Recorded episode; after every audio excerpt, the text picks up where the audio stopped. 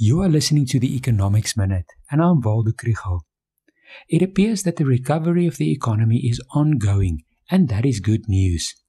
Absa's Purchasing Managers Index increased from 58.35 points to 60.9 points in October. Anything above 50 indicates an expansion of manufacturing activity. The employment index improved for the fifth consecutive month.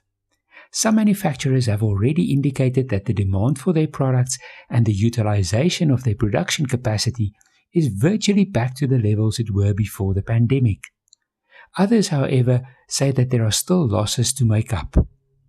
The view is that the South African economy is likely to recover slowly, and that the hope for manufacturing lies in exports.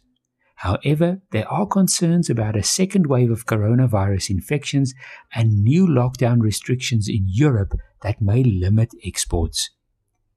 New vehicle sales have also been recovering slowly but surely since May. This trend continued in October, but sales are still 25% lower than October last year. Breaking it up further is interesting. Dealer sales are only 15% lower and passenger vehicle sales only 7% lower. The rental and fleet market is also returning. Nearly 3,000 units were sold in this market in October, but that is compared to 10,000 units in October last year. Over the past three months, used cars that are between zero and two years old have also had strong sales. Vehicle exports are approximately 20% lower than in October last year. If you've looked recently, you'll know that new car prices have risen and that there are fewer discounts available.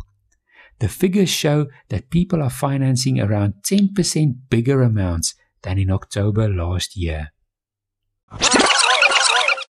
If you want to learn more about the economy, follow the Econ 101 page on Facebook.